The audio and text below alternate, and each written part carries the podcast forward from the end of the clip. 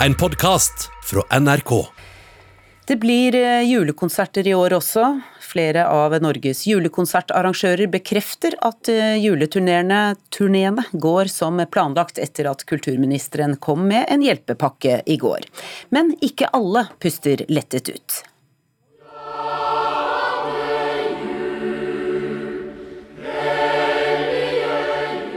Lyden av jul er en tradisjon for norske publikummere. Nå gir flere av de største julekonsertarrangørene grønt ljos for jula 2020. Det jeg nå vet, gjør at vi trykker på alle knapper og gir beskjed til artister, til musikere og teknikere at vi kjører Stille natt, hellig natt på vanlig måte, som vi har gjort i 33 år tidligere.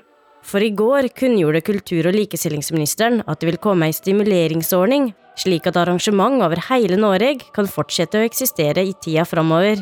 I tillegg blir de nåværende ordningene forlenga med en måned. Det var en veldig positiv eh, tanke, og det gjør jo at vi kan gjennomføre den på en mye mer tryggere og på en mye bedre økonomisk måte enn det vi har tenkt tidligere.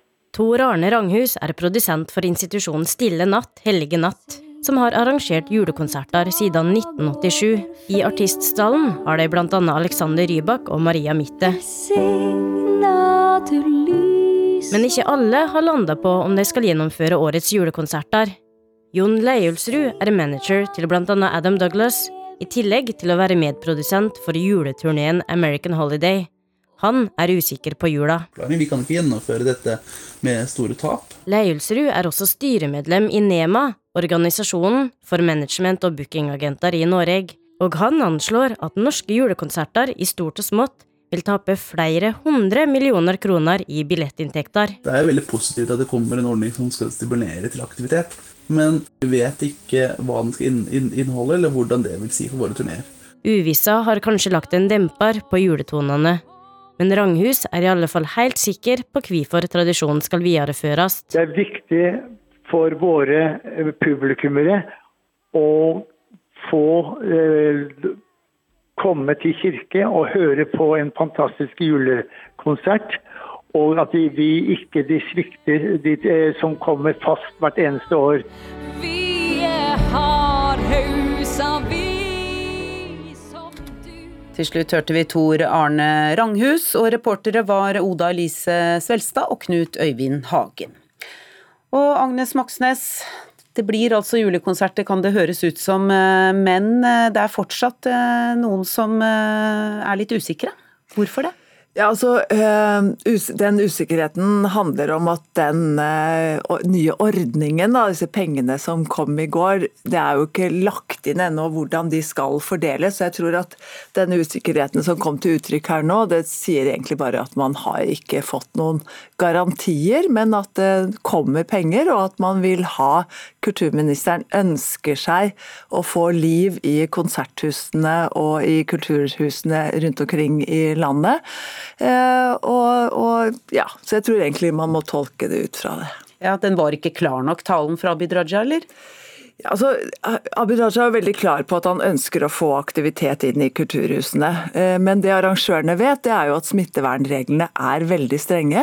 Det kan maksimalt selges 200 billetter. Og da sier det seg selv at hvis du har en sal som f.eks.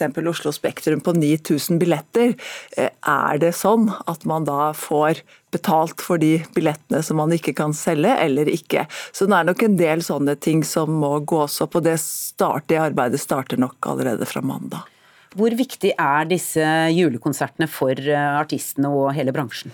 Ja, altså Rent kommersielt så er det to store konsertsesonger i Norge. Det ene er sommeren med festivalene, eh, og det andre det er julekonsertene. Så de er kjempeviktige både for oss som publikum, men, eh, men sånn pengemessig da, så er det jo selvfølgelig veldig veldig viktig for artistene. Og Det er jo ikke veldig lenge siden, eller ikke mange månedene siden vi sa at like sikkert som, som julaften så kommer julekonsertene, men det har faktisk vært veldig usikkert i, i, år. For det er mange av de konsertene som er veldig store, og som er avhengig av å selge mange billetter. Eh, men vitsen med denne stimuleringsordningen som kom i går, da, det er jo at eh, det skal lønne seg å arrangere julekonserter, selv med et begrenset eh, publikum. Og så det, har, det er altså satt av 900 millioner kroner. Er det nok, tenker du? Ja, altså hvis det skal erstatte alle usolgte billetter, så kan det, altså i tilfelle sånn som Olavshallen i Trondheim eller Grieghallen eller, eller, Oslo Spektrum, så kan jo det bli veldig dyrt. Det er en ordning som skal gjelde for oktober, november og desember. Eh, eh, sånn at det er jo ikke det lengste spennet eh, så langt.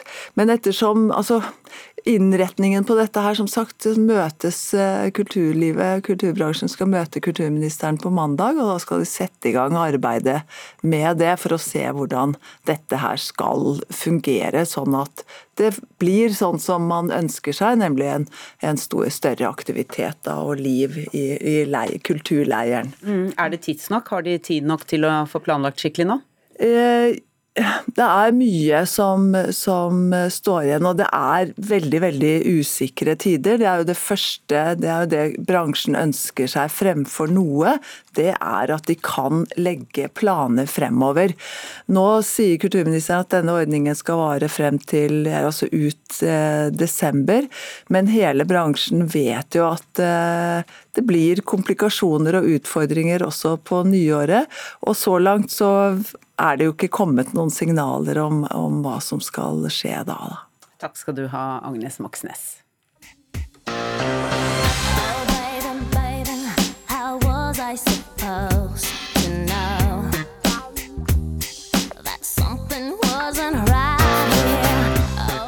Ja, hun var en av verdens største stjerner. I dag frykter flere for livet hennes. Både BBC, CNN og flere andre internasjonale medier skriver om henne i dag, og har vært opptatt av henne en eh, god stund nå. Hvorfor det, reporter Aida Korami? Ifølge rettsdokumenter fra CNN ønsker Spears å fjerne faren sin Jamie Spears som hennes verge. Faren har vært eh, permanent verge siden 2008, etter et offentlig sammenbrudd og har hatt kontroll på både hennes personlige og profesjonelle liv siden den tid. Nå har jo Free Britney-kampanjen florert på sosiale medier en stund, og emneknaggen har over 120 000 ganger på Instagram. Eh, kampanjen går på at fansen frykter at Britney ikke har egne valg. Hva kan vi si om hvorfor så mange engasjerer seg i livet til eh, Britney Spears? Målgruppen eh, bak kampanjen Free Britney er jo vokst opp med popstjernen, Eh, det er også den målgruppen som er store brukere av sosiale medier, hvor kampanjen først startet. I tillegg mener fansen at Spears lever under veldig strenge regler.